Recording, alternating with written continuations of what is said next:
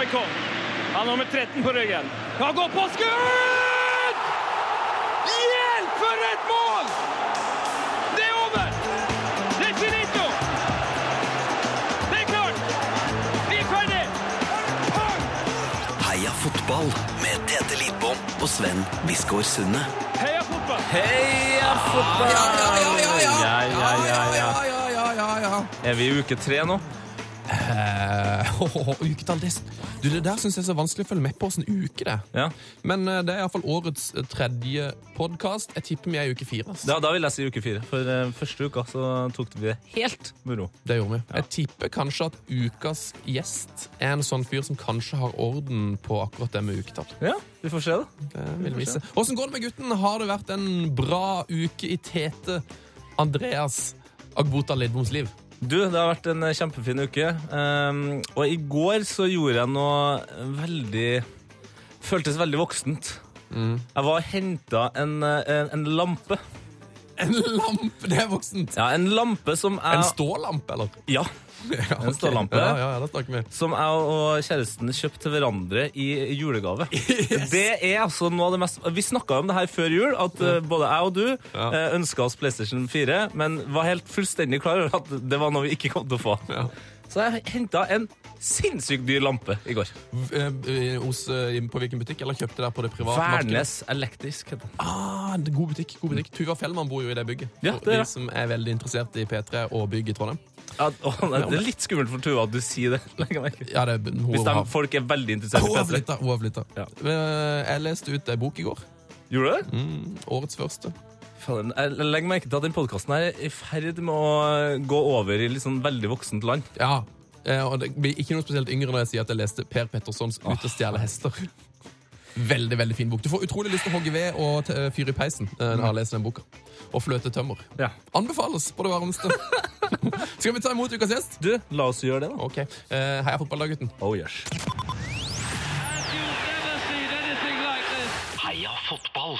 Ukas gjest. Det er altså en um, Ja, han er faktisk en tidligere gjest her i podkasten. Han er det, utrolig nok. Uten at dere har hørt noe av det. Uka Ukas gjest er tidligere toppdommer i fotball med over 250 kamper på samvittigheten. Han har vært eh, Fifa-dommer, han har dømt cupfinale, men har også hatt eh, flere jern i ilden. Han har eh, nettopp begynt å jobbe for et bettingselskap. Uh, kanskje litt, mm, skummelt ut. Eh, vært ekspert i TV 2.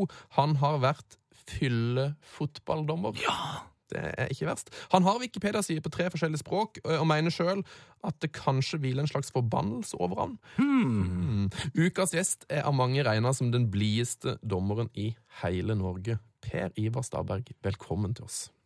Takk for det, gutta. Ja. Trivelig å være tilbake. Helt, helt utrolig hyggelig å ha deg tilbake igjen. Um, spesielt sett i lys av hva som skjedde sist. Ja. Du var her. Um, du var jo med, du var jo gjest i tidenes første upubliserte episode av Heia Fotball. Mm. Jeg tror vi skal ta, rett og slett uh, høre litt på oss sjøl her først. For det, jeg det, er nesten, altså det som skjedde sist du var her, var jo at Tete fikk uh, blodpropp, og vi måtte ringe til eh, sykebil, og det kom ambulanse, og det var hjertesjekk og morfin og blålys og rett på sykehuset. Ikke sånn, ikke sånn kjempegod opplevelse, kanskje. Det kan være godt med en liten debrief. Vi må ha en debrief. Ok, eh, vi begynner med det. Eh, vi kan høre, for, altså, når du var her, så det var, altså, det her var jo før du fikk blodpropp, Tete, så da hadde vi et veldig sånn lystig blikk på dette med å Ja. bli syk. Ja, øh, altså Det er vi kanskje Kanskje jeg er mer enn deg. God på å kødde om ting som er alvorlig. Eh, og nå trodde ikke vi at det var alvorlig heller, eh, så vi kødda kanskje litt i overkant mye. Vi kan jo høre på det. Altså, det, det er en ting som irriterer meg nå. Det er at det her er et opptak. Altså, det er en podkast. Det er jo egentlig noe vi er veldig glad for. At vi bare kan sitte her og prate, og så sender vi ut i verden etterpå. Men nå er det litt sånn Det kan jo være at det er noe alvorlig, og da er jeg på en måte allerede død før jeg får noe tips, eller Sånn at jeg er på en måte allerede bort da, før Nei, folk hører det. kan, så alvorlig kan det faktisk ikke være. Ah, det spørs, da. Det spørs, da. Se der. Altså, det, jeg syns det høres så overraskende frisk ut med tanke på at det er 20 minutter til jeg skal få lungeinfarkt. Ja. Ja, og, Men du hører jo der når jeg sier au, så er det faktisk ganske vondt. Ja. Ja. Hva syns du om, den, hva syns, hva, hva syns du om timinga på den her vitsen om at han kommer til å dø? Ja, det, han fikk jo ikke rett.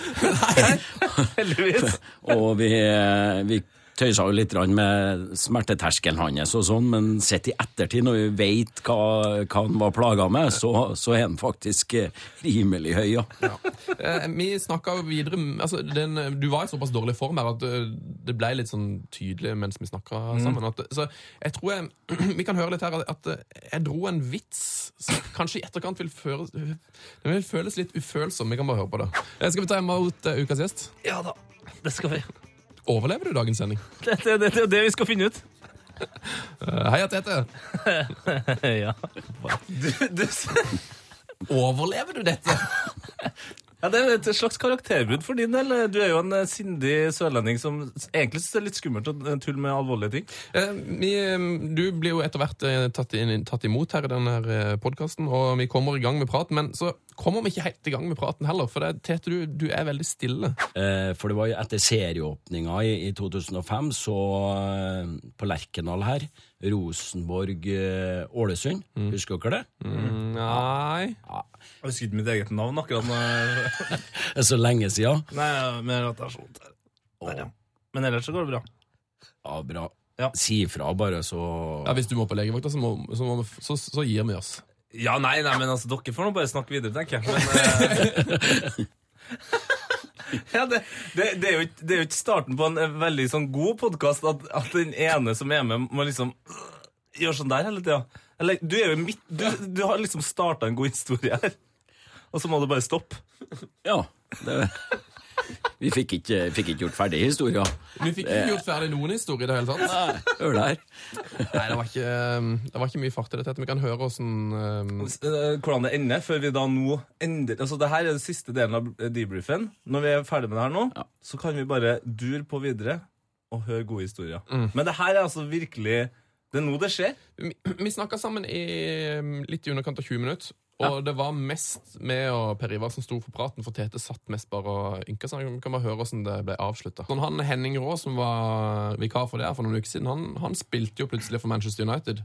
Ja. Sitt Legends-lag oppe i en hall på Fauske. Jeg, tror, jeg tror jeg må bare ta en liten pause. Altså. Vi tar en liten pause, En liten pause. og så ble det stille. Ja. Så nå vet eh, folk ut der eh, hvordan eh, stemmen til folk som har det skikkelig vondt, høres ut. Fordi det er utrolig sånn Veldig anstrengt. Mm. oh, fy faen. Men hva skjedde etterpå? her? Husker du mye av hva som skjedde? Hvordan opplevde du Ja, de jeg neste husker jo det. sekundene? Eh, at Tete han kom seg ut eh, døra her og, og klarte å legge seg sjøl i stabilt sideleie. Det er jo en prestasjon i seg sjøl. Og så ble det ringt eh, ambulanse på, på tverten. De kom veldig kjapt, og eh, vi trakk oss unna. Og det ble stilt noen spørsmål. Eh, han prøvde jo å svare så godt han kunne, og så fikk han eh, fikk en eh, morfin eh, for å lette smertene, og så tok de den med seg. Eh, og da er det klart at eh, det er nok en, eh, en episode som ikke er vanlig, og dermed så husker du masse detaljer rundt, rundt det. Og, ikke sant? Eh, Husker til og med hvilke klær han hadde på seg.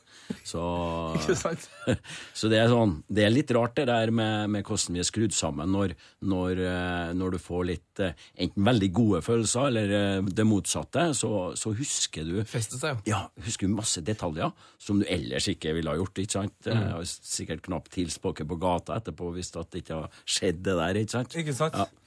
Men, men altså, det, det her er jo på en måte ikke første gangen du har eh, opplevd noe dramatisk. Altså, det er jo nesten så, som Sven sa i innledninga, at du føler at det hviler en slags forbannelse over det. Ja, jeg tror jeg sa det òg, når, eh, når eh, ting var roa seg, i hvert fall etter ambulansepersonellet var kommet. For det er som sagt ikke første gangen.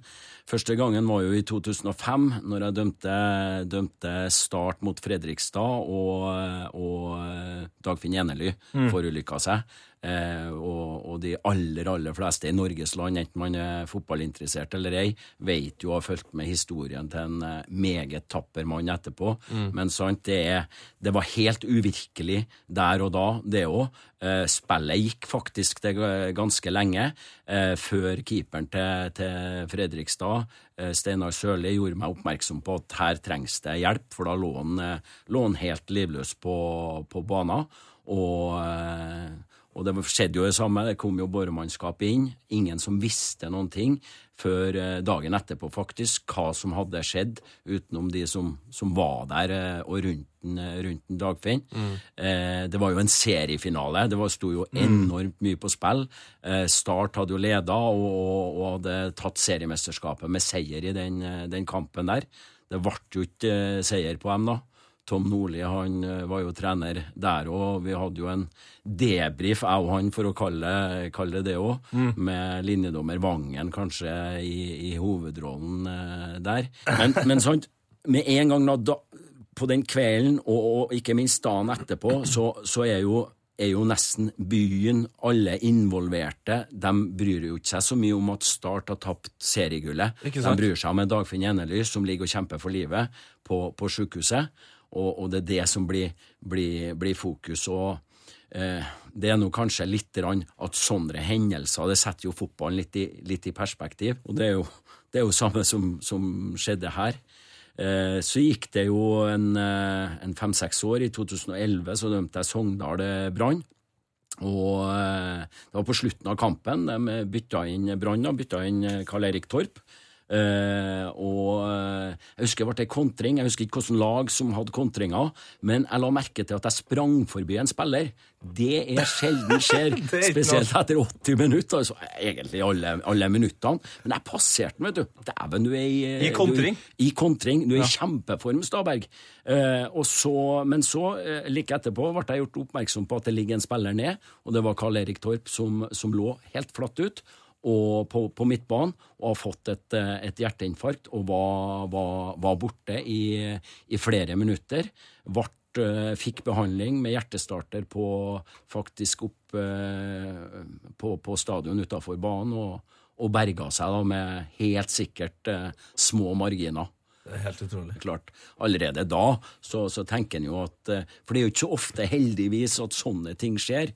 Men eh, Og det, det er vel kanskje I hvert fall det jeg kan komme på det eneste fra toppfotballen sånn, som har fått eh, i kamp, da. Eh, vi vet jo om folk på trening og, og sånne ting, ikke sant. Eh, og i andre idretter så har det skjedd tragiske ting, men eh, det er klart at uh, når du er der begge de gangene, så tenker du med en gang at oi, er det noe med meg? Selvsagt så tenker jo ikke jeg seriøst, men Men du får liksom, du får Ja. den der følelsen, også. jeg fikk den følelsen når Ja. du gikk, gikk ned for telling her, altså. Søren, er det noe med meg? For her er vi jo ikke så fysisk som vi er i en kamp, da. Nei, absolutt ikke. Så, ja. Nei, sånn er det. Men, eh, men han, når han Karl Erik Torp eh, faller sammen der Um, på en måte, eh, eh, Har dere dommere fått noe sånn trening på, på sånne situasjoner? Skadebehandling generelt eh, eh, har vært eh, tema, selvfølgelig, fra, fra tidenes morgen. Og hodeskader spesielt. Men dette med, med, med sånn type skade, hjerte, nakkevirvel og sånn, det, det har det ikke vært noe, noe om. Men det er klart at eh, for dommer, dommerfamilien òg, så kommer det på agendaen eh, veldig, veldig, veldig fort og, og høyt da, når, når sånne hendelser inntreffer. For eh, eh, vi er jo her for eh, sikkerheten til spillerne. Og vi, det har blitt bedre, og dette med skadebehandling, eh, at eh, det er Vi tar færre sjanser eh, når noen ligger nede. Ja, for for vi vet ikke hva det er, vi er jo ikke leger. Nei, sant, men det tenker jeg på som eksempel Ryan Mason, som fikk et kraniebrudd. Ja. Eh, utrolig trist, eh, men det skjedde som det går bra. Mm. Eh, og jeg bare kom på sånne Premier League-situasjoner der dommeren stopper jo, det er jo han som har ansvaret for kampen, men liksom når legene har vært der og alt sånt der, så er det til syvende og sist treneren og spilleren som på en måte bestemmer om spilleren skal spille videre. Sånn som Hugo Liris fikk jo en sånn kjempehjernerystelse for eh, et par år siden, og så blir de enige om at han skal spille videre. Skulle jo helt åpenbart ikke spilt videre. Burde egentlig dommeren ha det fulle og hele ansvaret? Eller er, blir det for vanskelig, siden du kanskje ikke ser situasjonen? Ja, eh, det tror jeg, det tror jeg blir feil. Eh, Det, for det første, vi har ikke kompetansen på det. Da, eh, så der er det en risiko i, i, i, det. En annen ting er jo at når det er kompetente folk der, så burde heller dem ha hatt en større myndighet og overkjørt f.eks. treneren. Du ser dette med håndball nå, ikke sant. Hvis en spiller får legebehandling, så får han ikke være med i de tre neste angrepene. Eh, det, det går jo an å se til sånne type, type ja, ting man gjør i andre idretter, og for eh, jeg regner med at håndballen gjør det, for å minimere eh, de her farlige skadene med å fortsette å spille når du har fått deg en trøkk. Så Det har vel vært snakk om å få inn en eh, slags ekstralege som er eh, hva skal du si, objektiv. da. For Ja, for det, det er akkurat det. et, en sånn stevnelege, ikke sant? Ja. Sånn som eh, de har enkelte plasser som er objektiv. Ja, for det For si Tottenham sin lege da vet at det, det går et bytte, og kanskje de, kanskje de til og med ikke har med keeper på benken, og sånne ting, så kan det være at det er et slags press der fra treneren. Ja, altså Det er jo fysioterapeuter som har fått sparken fordi at de har uh, satt i gang et bytte. Uh, Mourinho. Ja. Et lite hint til deg der. Mm. Altså, det er, man har på en måte så mye å tape på akkurat der og da. Altså Glemmer liksom til og med trenere spillerne sin sikkerhet, da, virker det som. Så hvis vi går bare sånn helt kjapt tilbake til en Dagfinn Enely, så var det veldig usikkert på om han skulle spille kampen, for han har vært sjuk. Ja. Han hadde influensalignende symptomer, så de holdt igjen kampoppsettet i det lengste. Men, eh, men det var en, eh, en av trenerne som sa til meg at eh, vi håper å få han klar, eh, sånn at, for det er en viktig kamp. De sto i fare for å rykke ned. Da har du akkurat de mekanismene der. Du hadde jo ikke incidenten noe med hans form å gjøre. Nei. Ikke sant? For det som skjedde, det skjedde, og det ville ha gjort om han hadde vært 100 frisk. Ja. Men sant? det er litt sånn analogt til, til akkurat det. Eh, Vi skal ha Dagfinn Enely som gjest her neste uke. Skal dere? Så- Da må dere hilse veldig mye fra meg. Ja, vi skal gjøre det. Ja. Og jeg regner med at dere har jo sikkert snakka sammen en del etter det. Og på en måte, det, det var vel litt sånn for det jo at uh, at det må jo være en veldig sånn påkjenning når, når noe sånt skjer, at du må ha en debrief og liksom Ja. gå, gå gjennom situasjonen. Ja. Hvordan, hvordan opplevde du de etterkant? der? Jo, det er helt klart at eh, det er rett sånn som du sier, og, og at man, man trenger å få det, få det ut, og, og man håper jo at det går bra. Det var en hel nasjon som håpa det, eh, før det var avklart at den i hvert fall eh, levde over, ikke sant? Og vi har hatt mye kontakt, jeg og Dagfinn. Vi treffes, eh, treffes eh, titt og ofte eh, på ulike arrangement, og så har vi litt kontakt på sosiale medier, og det er jo det, det er jo litt sånn, Verden føles jo ikke helt rettferdig når det det er bare stjernegutter som, som er uheldig, ikke sant? Det gjelder jo egentlig deg òg, ikke? Selv om ikke jeg kjenner deg så godt, men eh, du ser ut som en stjernegutt. Ja, det er veldig hyggelig. Ja. Det er veldig hyggelig. Så nei eh, så, så, Og den, den framgangen og den eh, innsatsen han har gjort, den er jo forbilledlig og er motiverende i alle mulige sammenhenger. Sånn at, at foredraget hans, det burde egentlig alle fått med seg. Det pensum. Ja, burde ha vært pensum. Ja, vært pensum. For det har noe med livsglede å, å gjøre, og det å ikke ta ting eh, selvfølge. Jeg regner med, regner med vi får en del av dette her neste uke. Mm. Så det, mm, det, blir, det blir gøy. Eh, Apropos livsglede, skal vi gå over til noe hyggeligere? ja, eller har bare et Eller har du et Jeg har et siste spørsmål Ja, ok, ja, om, det er om den greit. situasjonen. For det, man opplever jo ofte at uh, spillere ligger nede. Eh, og det er jo litt sånn der mm, Ofte så, så blåser jo ikke dommerne, og det syns jo egentlig er helt fair, men det er sånn hvor eh, Hvordan var det Hvordan skjønte dere at det var alvorlig, den situasjonen? For han lå jo ganske lenge nede før det ble stopp. Ja, det gjorde det. Eh, vi skjønte med en gang når vi kom bort til en, for det en, hvis en spiller har smerte, så er det, er det noen miner. Der var det ingen miner, det var, det var, det var flatt batteri.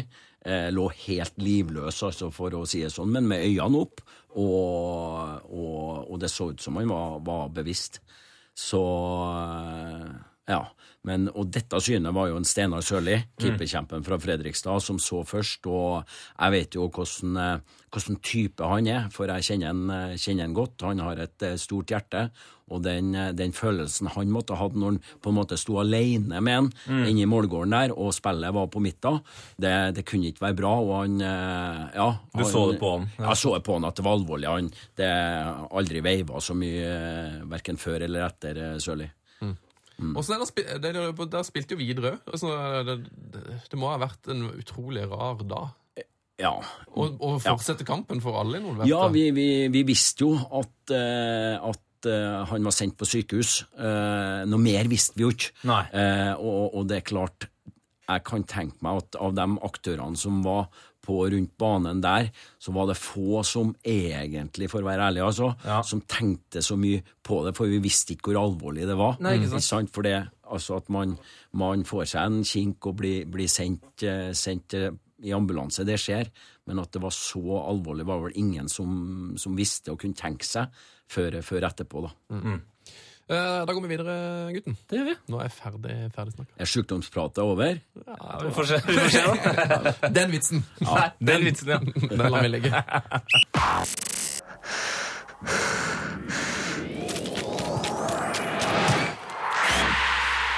P3s Heia fotball med Tete Lidbom og Sven Biskår Sunde. Og Per Ivar Stavanger. Ja, Ja, ja. Eh, Det ble nesten opprør når du, når du ga deg som dommer. Eller når du ble tvungen til å gi deg som dommer. Var det ikke sånn det var? Jo da, jeg fikk sparken av eh, Fotballforbundet. Så, eh, og det likte jo ikke spillere og trenere og, og sånn. De syntes det var feil, og de hadde jo meg på, på party med det. Jeg syntes jeg var god nok og hadde tenkt å, å dømme en sesong til, men eh, det, det syntes ikke Fotballforbundet. Jeg skulle gå ned på antall, og, så, og det visste jeg. Vi var orientert om det, men eh, jeg hadde vel satt opp ei liste der jeg ikke akkurat var i rød sone, for å si det sånn. Du hadde satt deg sjøl over nedrykksstreken. Ja, godt over midten, og jeg var vel og kjempa om medaljer den gjorde det, sesongen. ja. Og jeg gjorde det, skjønner du. Så, så dermed så var jeg, ble jeg litt tatt på senga òg, og så eh, sa jeg som det var til, at jeg, jeg var jo ikke enig i vurderinga, eh, sånn og sånn. Og så førte ikke anken frem, og, og da, da måtte jeg nå bare gå ut og si at eh, ok, da sier jeg takk for meg, og så er jeg happy med de 20 årene jeg har eh, vært sammen med dere.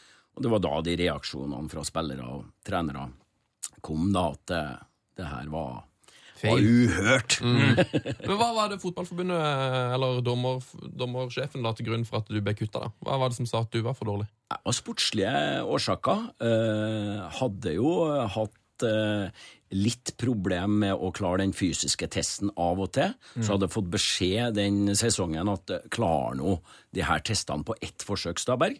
Yes, yes, Rune, det skal jeg gjøre. Stol på meg, og det gjorde jeg. Så, eh, så ellers så er det vel en totalvurdering fra deres side var den gangen at eh, jeg var jo Hvor gammel var jeg da? 45 år? 44 år? Eh, så jeg var jo ikke, representerte ikke framtida. Det gjorde jeg jo på ingen måte. Eh, da var jo aldersgrensa 50 år òg. Nå er jo den oppheva, så jeg kunne holdt på kjempelenge. Men, eh, men det var heller ikke planen. Men, eh, så det er nok en sånn totalvurdering på, og en strategi på å, å satse på yngre, yngre dommere. Og den har de jo holdt fast på eh, ennå. Men du hadde dømt i 20 år, og um, jeg vil jo si at uh, selv om du kanskje ikke var den sterkeste fysiske dommeren, uh, så var du jo Jeg vil jo kanskje si at du var den, den som var kjent for å være best sånn på det mentale, på det, spesielt på det å ha humør og dialog på banen. Altså, um, hvor, hvorfor, uh, hvor mye regnes det inn i det regnestykket om, om man får lov til å dømme videre? Ja, ak- det, det, det er de jo klar over, og jeg har jo fått meldinger på at det er jo noe oppdragsgiveren NFF og har prissatt det at du, måten du løser situasjoner og kamper på og har et godt lag med, med lagene, det er jo noe de ønsker eh, å, å sette pris på, men, eh, men, eh, men det er jo ikke vekta, vekta så mye som at man eh, er atletisk og, og, og den, den biten der, da, antagelig. Det er kanskje litt mer personavhengig òg. Altså, det, det, det er jo ikke naturlig for alle å ha den type glimt i øyet, eller altså, liksom, å være så tett på spillerne som, eh, som du og mange andre gode dommere er. da. Ja, nei, det tror jeg du har rett i. Det er nok noe som må være naturlig, og jeg tror det handler mye om passion for spillet. Da. For meg så er det det, og selvsagt litt hvordan som person du er. At uh, du er ikke redd for å snakke med folk, og du har et positivt grunnsyn på mennesket. Eh, hjelper jo det òg. Men at du, at du, er, du, er, du vet at du er på banen der for å serve lagene og tilskuerne. Du er ikke der for å vise at du er fantastisk glimrende til å dømme fotball. Altså. Det er ingen som kommer for å se på det, vet du. Du har blitt kalt overvektig av Rune Bratseth. Ja. Det er et slags høydepunkt i karrieren din, eller? Ja da, det er jo eh, også det, det er nok det. Og Rune er jo en eh, meget vis mann. Han eh, har til og med vært læreren min på, på fotballgymnas. Han har det? Ja, ja, ja, så vi har kjent hverandre godt, vi. Og eh, dette er vel tilbake til 2000 og, 2005, ja. Fem høres riktig ut, ja. Ja, eh, serieåpninga dømmer et eh, tvilsomt fris, eh, straffespark mot Rosenborg i det 89. minutt. Hoftun klatrer litt på Årøy. Eh, Det jo helt vanlig å klatre på, på Årøy. Må jo det. Må jo det. Så, jeg vet ikke om jeg dømte den en gang til, da. For eh, det var nok av den light-utgaven light-utgaven straffespark. Det er ikke alle som har dømt det. Og eh, etter kampen så, så, eh, så hadde han vel sagt til en Aftenposten-journalist at eh, ikke nok med at Staberg eh, var under paret på banen, men han, eh, han virka overvektig òg. Eh, og han hadde jo rett. Det var jo det allerede da, vet du, så var det en litt eh, håndtak der, og at slurva litt med sesongoppkjøringa i april tidlig, vet du. Eh, og jeg husker jeg fikk, eh, jeg fikk jo fikk mail fra kjernen, så jeg har, nå kommer det en liten sånn betroelse her. Ja. For eh, de spurte meg egentlig om de vitale målene for å, for å regne ut BMI-en. For eh, han brukte jo ordet overvektig, og det har jo en sånn BMI-grense. BMI ja, ja. Og den, den visste jeg jo om da før jeg sendte inn, eh, sendte inn høyde og vekt til, til kjernen. Så jeg løy ikke på høyden, men eh, jeg var jækla snill på, på vekta, På for å si det sånn, for å komme akkurat under overvektighetsdefinisjonen, for å gi litt tilbake til Bratseth der. Så, men eh, vi har snakka ut etterpå, vi, og har, eh, har ikke noe problem med å se hverandre i øynene. Han ringte meg og noen dager etterpå og, og sa at eh, jeg har fått en telefon fra Skavlan-redaksjonen med spørsmål om å stille opp der, for det ble jo litt eh, media, Ja, medieoppstyr rundt akkurat det der, da, vet du, og NFF kom på banen og trua med straff, og, for du kunne ikke gå på liksom utseendet på dommerne, det var litt eh, usaklig. Mm. Det, det var jo der han hadde den største saken, ikke sant? Så, eh, nei, så, så sa han til meg at jeg har takka nei, men du gjør jo som du vil du, hvis de ringer deg. Nei, jeg stiller jo opp og spiser litt krembolle her på, på Skavlan, sier jeg, så nei da, det blir, det blir vel ikke noe sak da, Sjørine. Betryggende. Har, du, ja, har du spilt noe fotball sjøl? Jeg har spilt litt rann fotball. Eh, Vokste opp på Hemdal, da, så jeg har spilt eh, A-lagsfotball eh, for dem. Eh, tror jeg debuterte som 15- eller 16-åring. Så jeg var brukbar. Hadde eh, et sinnssykt overblikk, en følsom venstrefot, men igjen da er vi tilbake til det som har felt meg egentlig gjennom hele livet. det er det livet. fysiske? Det er det fysiske. Og så har jeg en bror ikke sant, som drev med friidrett, sprint og lengde. Var i norgestoppen på 100 meter.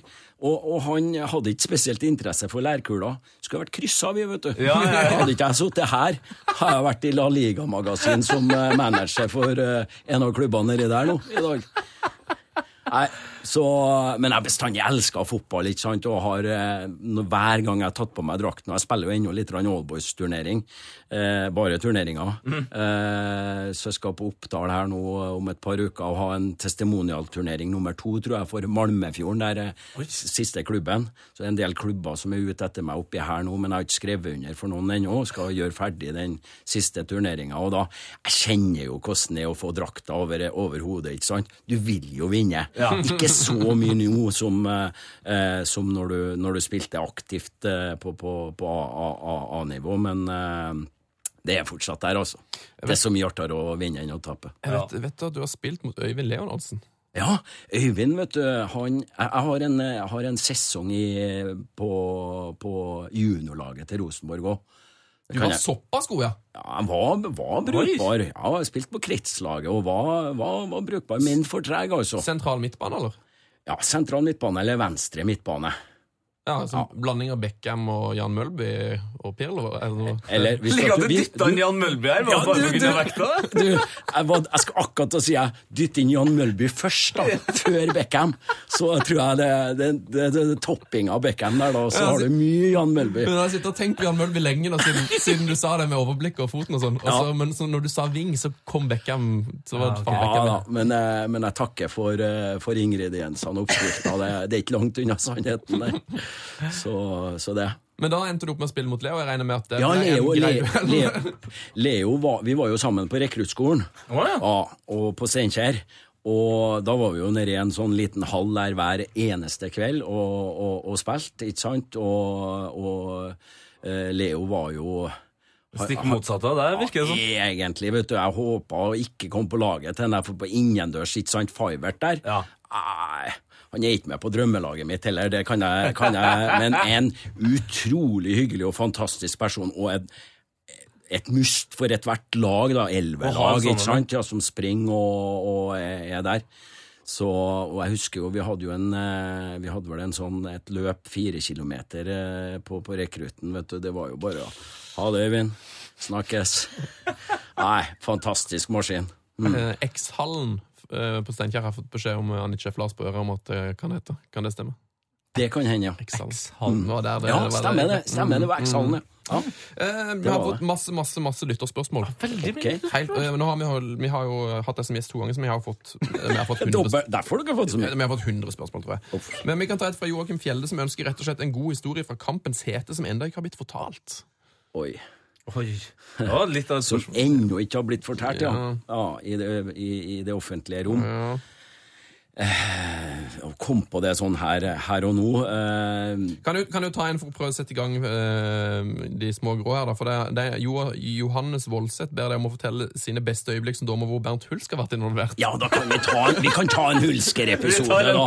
For den er ikke fortalt heller. Hei, Bernt. Nei, eh, jeg husker eh, Her er jo Han spiller på Molde, eh, borte mot Bodø-Glimt. Det er jo en dårlig bevart hemmelighet. Han var ikke med på alle kampene i Nord-Norge, men på den kampen jeg dømte, og de sleit mot Bodø-Glimt.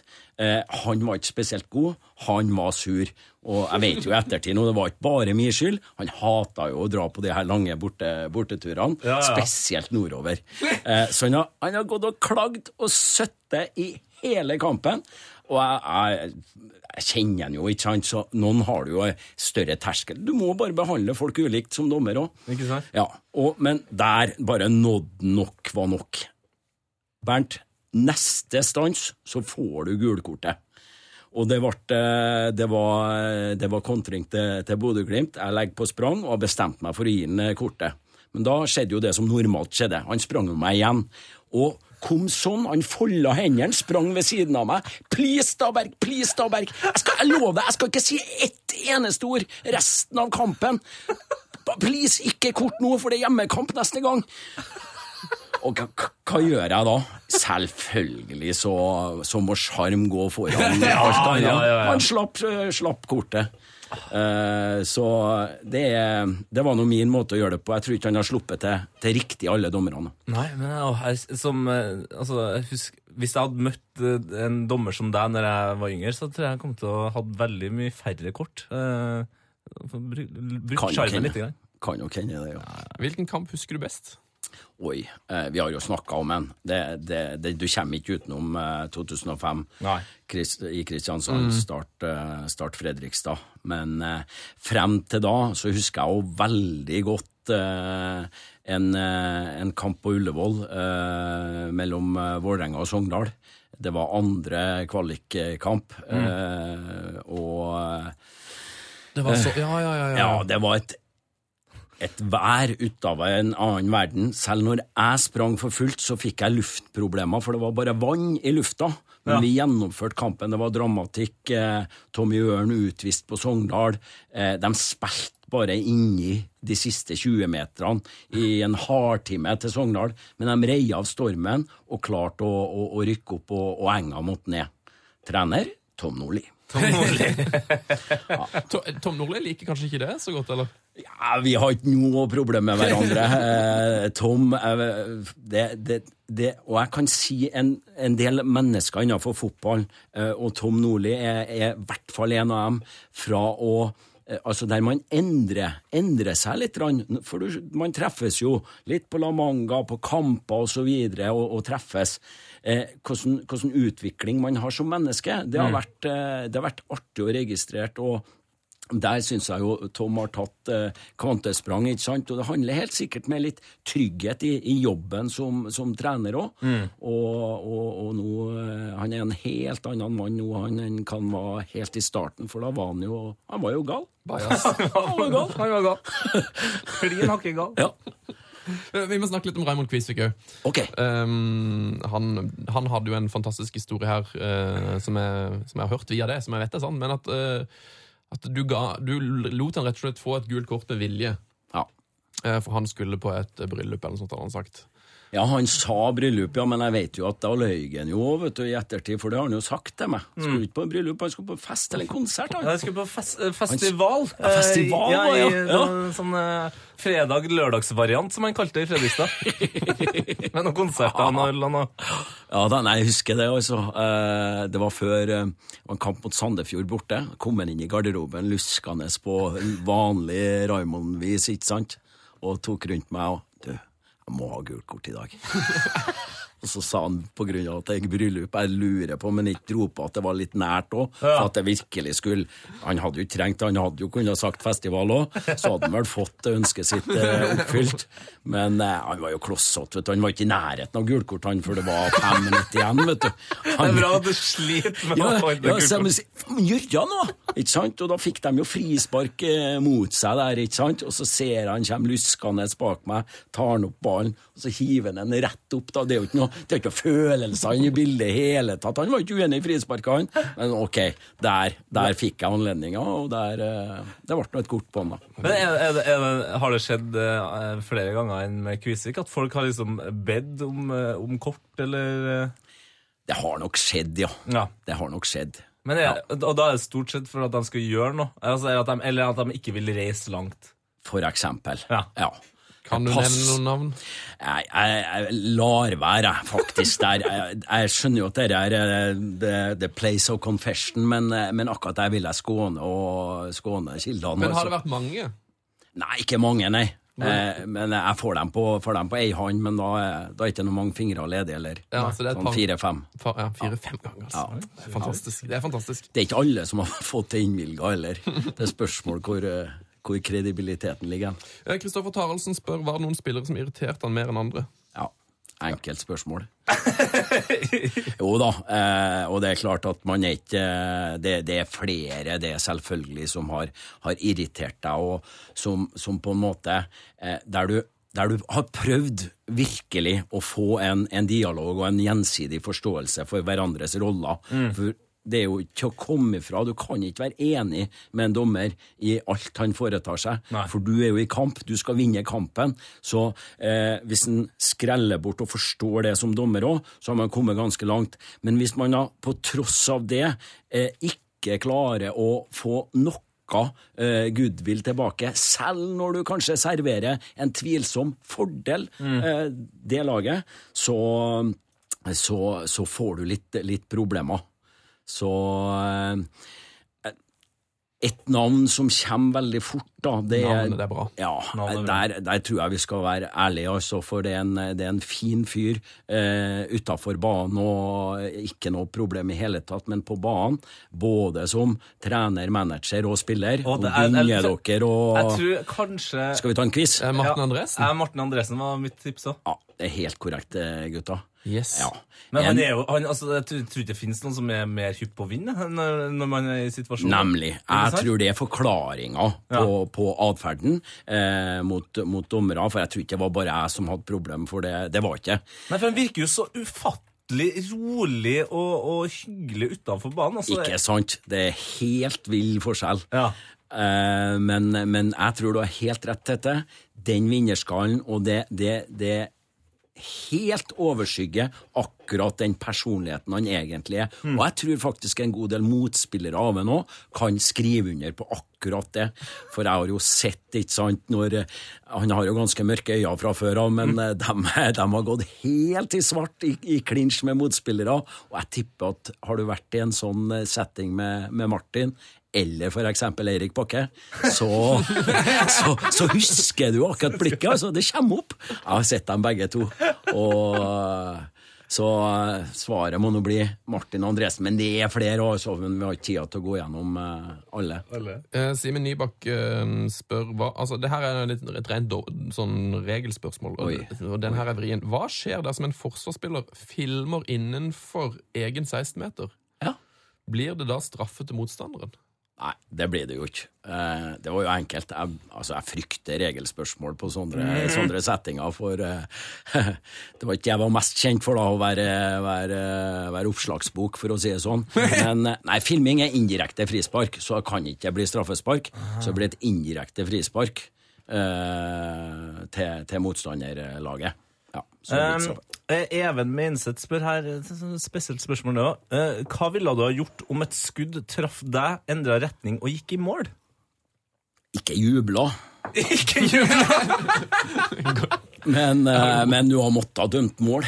Du har mått, ja, men men jeg, jeg tenker jo at da er du i en merkelig posisjon, ellers er skuddet fyrt av fra en merkelig posisjon hvis eh, dommeren klarer å stå foran målet, på en måte. Ja, men eh, at det har skjedd, det er jeg ganske sikker på. på Og det skjedd. blir mål, rett og slett. Det blir mål, Ja. men eh, jeg skulle nok ha gjort det meste i min makt for å kunne gitt det andre laget et, eh, et eh, like billig mål, da. Ja. Hvis at det ikke kunne ha blitt mål. Ja, hvis det var den ene årsaken til at det var, ble mål. Går det ikke da an, altså hvis det skjer et sånt helt sånn freak-mål, går Ja. det ikke an å gå til kapteinen og så si nå, nå går dere bare opp og scorer, så, så er det, blir det 1-1 her, og så Ja. fortsetter vi.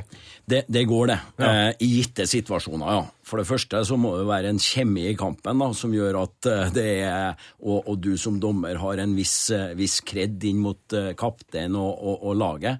Jeg var nemlig i en situasjon, det var Viking Bryne. Andre omgang skulle starte. ehm, og så, Vi har spilt i over ett minutt. Så er det er det faktisk en Bryne-spiller som sier til meg Du, vi mangler keeper, Staberg. ja, særlig at dere mangler keeper. Han er kanskje ikke den beste, men å, å gå så langt at han mangler, det er noe Nei, han er ikke her. Hva du sier Og så ser jeg tomt bur. Dæven, må blæse av. Viking har ballen og greier, ikke sant? Nei. Jo, jo, jo. Eh, Eskeland tror jeg var som sto i mål. Han har brukt litt ekstra lang tid i garderoben, han. Så mm, mens vi sto der, da, så kommer han sprengende et par minutter etter at vi har satt i gang kampen. Og da sier jeg til vikingspillerne Ja, eller det var vikingspillere som spurte meg Enn om vi har satt den i, i tomt mål, da? Ja, har det blitt mål, da? Ja, jeg kunne ha gjort noe annet. Eh, I hvert fall så trodde jeg sånn det var der, der og da. da. Eh, men jeg er helt sikker på at Bryne skulle ha fått seg et mål, dem òg. Ja. Ja, og ikke vær så trygg på det, sa han vikingspilleren. Men eh, jeg tror vi har klart å løse det, altså. Ja, det spørs, for det Ja. var jo en sånn situasjon med Peter Kovac, og det var vel han eh, keeperen Ja, til Oppdal i. Brann, ja. Var det Brann-Odd, da? Det var, brand, det var Odd Brann, det. Eh, jeg tror det var på Skagerrak. Hvor eh, Oppdal blir skada Ja. når han skal gjøre et utspill, og så, og så putter Kovac ballen i åpent mål. Ja, folk har begynt å slutte å spille. Han er skada, som du sier. Eh, Kovac runder den eh, der han ligger, og setter den, i mål. Og det er klart at eh, det er vel det Uh, Han er vel fort på høyde med Runar Nordmann i, i, i Brann der. Han ble jo kåra til årets kødd i Bergen etter å ha vært der en halv Det sesong. er knallhardt. Ja, og da er det klart Kovac er, er på samme veggen, da. Ja. All of eh, Hall of shame. Ja. Men der burde man jo òg kunne gått inn og sagt sånn nå, nå, Dette må vi bare fikse. Ja, jeg ville ha, ville ha tenkt den tanken, altså, og snakka med, med Peter. Peter er en mann har blitt veldig godt kjent med, eh, også som menneske. Jeg er helt sikker på at det har vært mulig å fått han. Litt mer usikker på Fagermo, selvfølgelig, men, men, men for det er han som bestemmer likevel. Men jeg tror jeg skal ha fått med meg Kovac. Hør her, dette, hvis vi tenker litt lenger nå, ja, Ja. det er deilig å skåre, men måten og omstendighetene, er det fair? Eh, skal vi rette opp? Ja, jeg måtte ha prøvd det, altså. Jeg måtte ha prøvd det. Jeg husker ikke hvem som dømte den kampen, men, eh, og det er mulig det ble prøvd, ikke vet jeg. Eh, det har ikke vært gjort noe nummer av det i media, i hvert fall etterpå, og heller ikke internt i, i dommermiljøet, for strengt tatt så er jo ikke det vår jobb, da. Ikke sant? Men, det, men sant, det, det ligger, ligger i ryggmargen. Det med fairhet og rettferdighet. Mm. Det må ligge der. Men eh, så dere den her bisarre situasjonen da Verratti fikk eh, gult kort nå for å heade ballen tilbake til keeper? Nei. Det, det, som, Altså- det som skjer, er vel at han, ballen er på bakken, og han må prøve å få ballen tilbake til keeper. Eh, og Istedenfor å da sparke den, så header han den sånn at keeperen kan ta den opp i hendene. Men han får gult kort. Ja. Og det gule kortet, det er riktig, det. Det er riktig. Hva, er grunnen til at det er riktig? Grunnen er at uh, du får gult kort for uh, å prøve å omgå en regel, og det blir da klassifisert som usportslig opptreden i, i regelboka. Lureri, rett og slett. da. Ja, det er litt sånn, ja, ja du skal prøve å, prøve å finne det her smutthullet, og det i seg sjøl er ikke fair, da. Uh, fair play. Og da, da har du dekning for å gi en, gi en gult kort. Han skal ha gult kort. Men den regelen bør jo dekke de situasjonene. For Av og til så ser man jo at en spiller går ut og så legger ballen til rette på corner, og så triller han ballen ei runde, sånn at corneren liksom er tatt. Og så går spilleren inn med ballen. Eh, kan Ja, være sånn den, det, ja Da det er jo et smutthull for å unngå regelen, for corneren er jo tatt, men ballen Men er ligger stille i men 20 det, sekunder. den Men det er er mer positiv, kanskje. Altså, Den er jo på en måte for sånn mer angripende. Altså, du, du skal prøve å score. Jo, jo, men regler er regler. Du, Det er et smutthull da, for å liksom Ja, men, men, men samtidig så gjør du ikke noe øh, gjør- Altså, regelen er at ballen skal bevege seg, den. Og den beveger seg. Eh, og, da er det tatt. Ja. Jeg skjønner poenget ditt, Sven, men, eh, men jeg, ser, jeg ser en klar forskjell på de, de to der, altså. Det gjør jeg. Jeg har ikke villet, jeg har ikke villet tatt den på den eh, at du skal prøve å omgå en regel. At det kan være usportslig pga. at du, du lurer motstanderen. Men det er jo litt det fotball går ut på, at du skal prøve å lure offside-feller osv. Hvor usportslig-messig blir Skal ikke være lov til å lure den rundt, skru den rundt muren, ikke sant? Det, det, det, blir, det blir feil. Da blir det kjedelig. Altså. Da blir du bli Nei, i hvert fall. jeg har fått svar. Men det- det er et spørsmål som både jeg og mange andre lurer på. Det her med den um, relativt nye regelen med seks sekunder for keeperen. Det, det, det, er jo den regelen som, som dommere bryr seg minst om, virker det som. Ja. Seks sekunder. Det er ganske kort tid. Ja. Ja. Eh, og den er jo ikke ny heller, vet du. Nei, det er nei, nei, nei. nei, nei, nei. Det er jo EM 2000 iallfall. Ja, ja, og lenge, lenge før det. Jeg tror, ikke, jeg tror ikke jeg har dømt fotball uten at den regelen har vært eh, levende. Nei.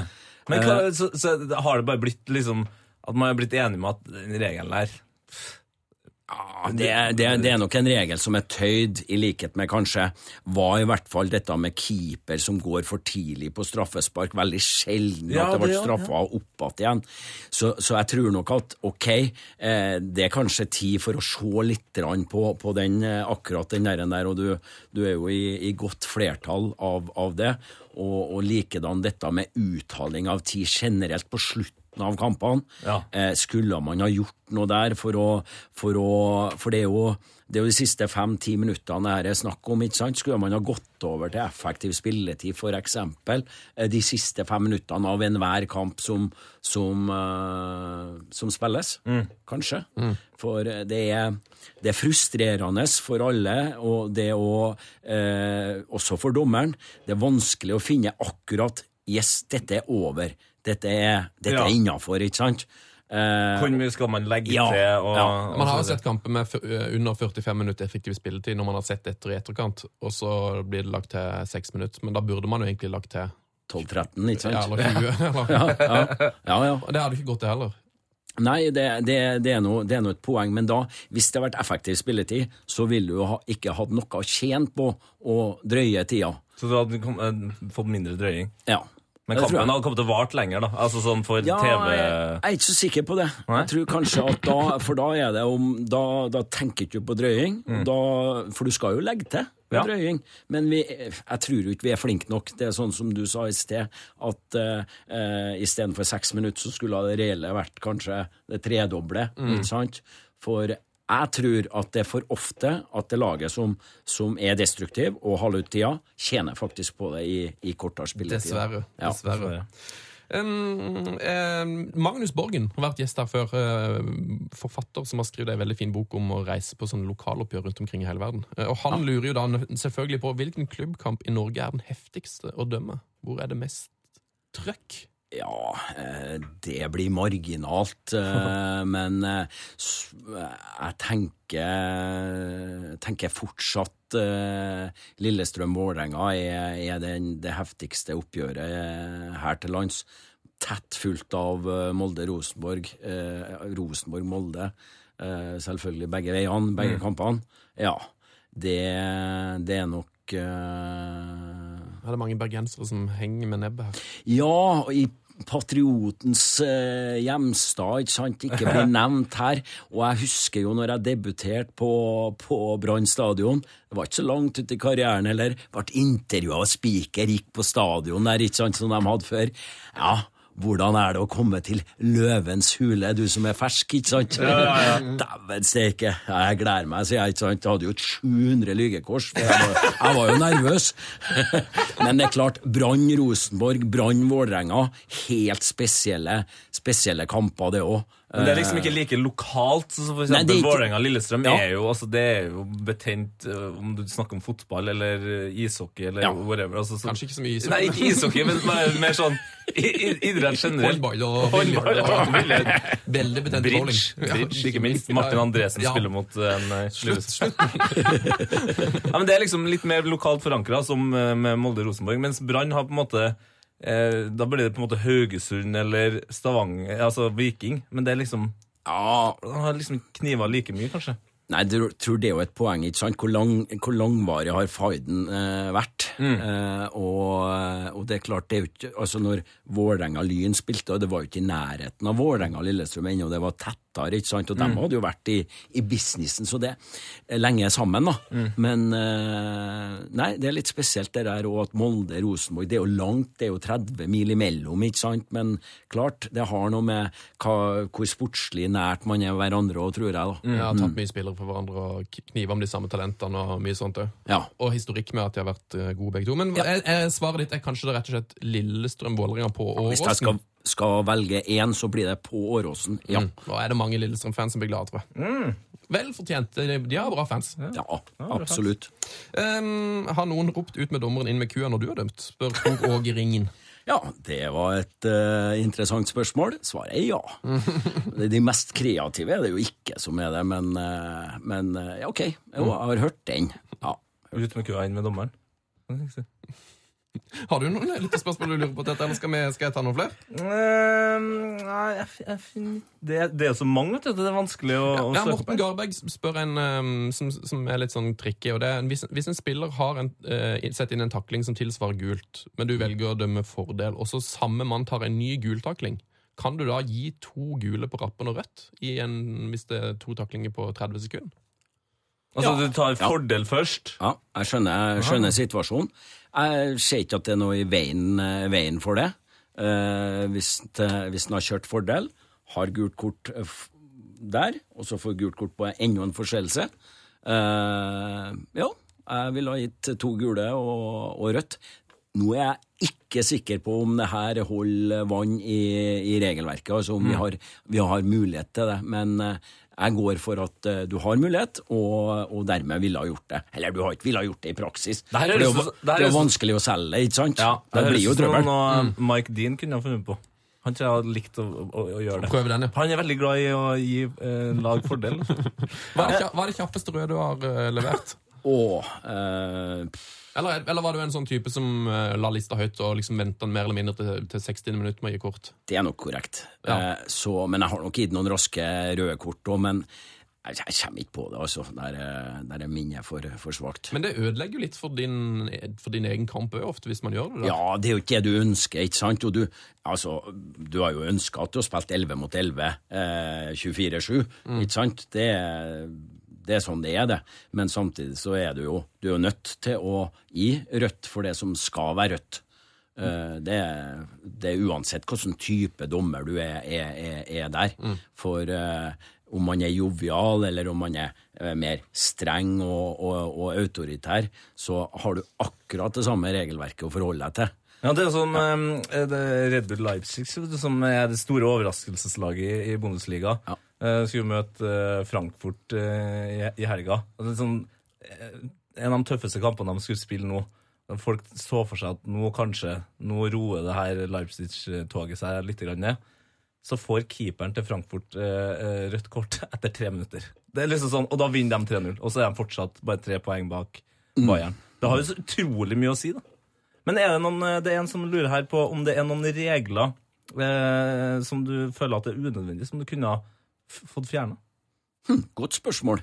Eh, ja eh, Jesper Mathisen, can you hear me? Eh, den med å hente ballen i, etter scoring, Ja. den er vel fjerna, tror Den ble fjerna nå, ja. Den ble fjerna nå. Så Hvor, hvor lenge levde den regelen? egentlig? Det, var en prøvesesong. Så det var en prøvesesong Ja, med, med, med blanda erfaringer og resultat.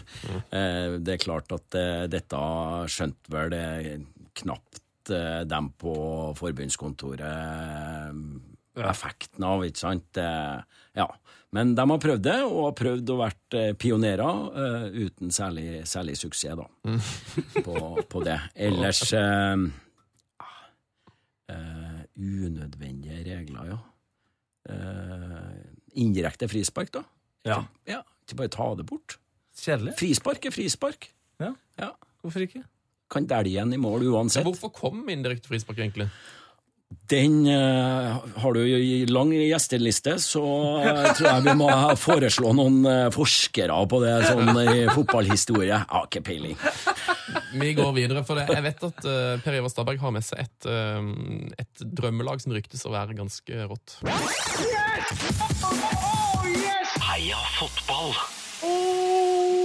Ja da, ja da, ja da. Drømmelag. Det drømmelaget er jo noe av det gøyeste vi vet. Uh, har du har med et ark? Har med ark, gutta. Det står til og med formasjon på arket, ser du? Yes! Tatt notater? Tatt notata. Det er jo den eh, Forberedt. Og Det er på en måte den mest eh, populære formasjonen eh, akkurat nå, føler jeg. 3-4-3. Ja, det er 3-4-3, vet du. Følger jo med, da. Er jo litt i tida.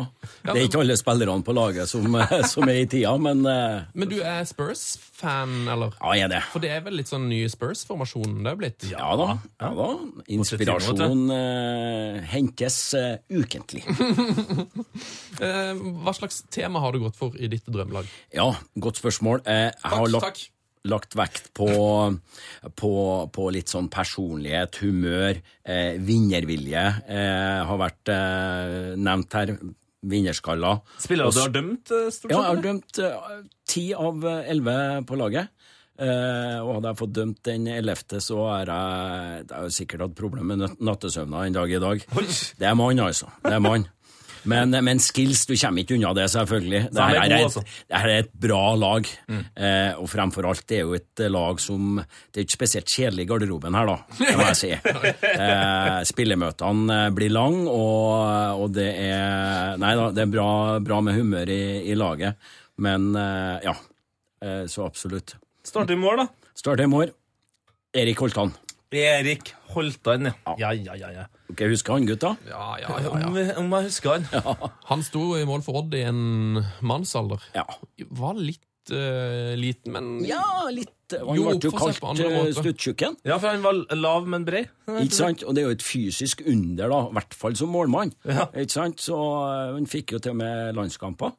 Og øh, Nei, en øh, utrolig fin fyr som, øh, som du kunne stole på, og som var, var, var hel ved, altså. Mm. Jeg husker jo Det her er jo en, en ganske sånn litt sånn brutal historie, men, og det heldigvis så er jo gjort om nå.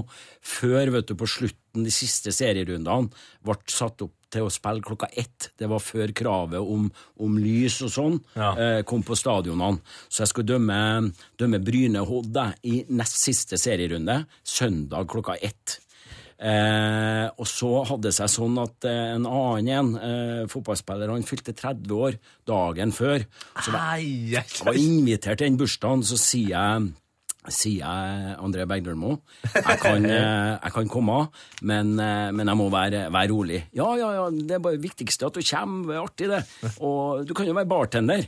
Ja, det kan jeg jo være. Ja da, det er noen ordtak som kommer, ligger litt langt fremme her nå, ikke sant, bukken og havresekken, så jeg måtte jo smake til at ikke guttene fikk for, eh, for sterke drinker, i hvert fall. Ja. Så det er klart, det ble nok ikke den helt perfekte oppladninga, det, det må sies.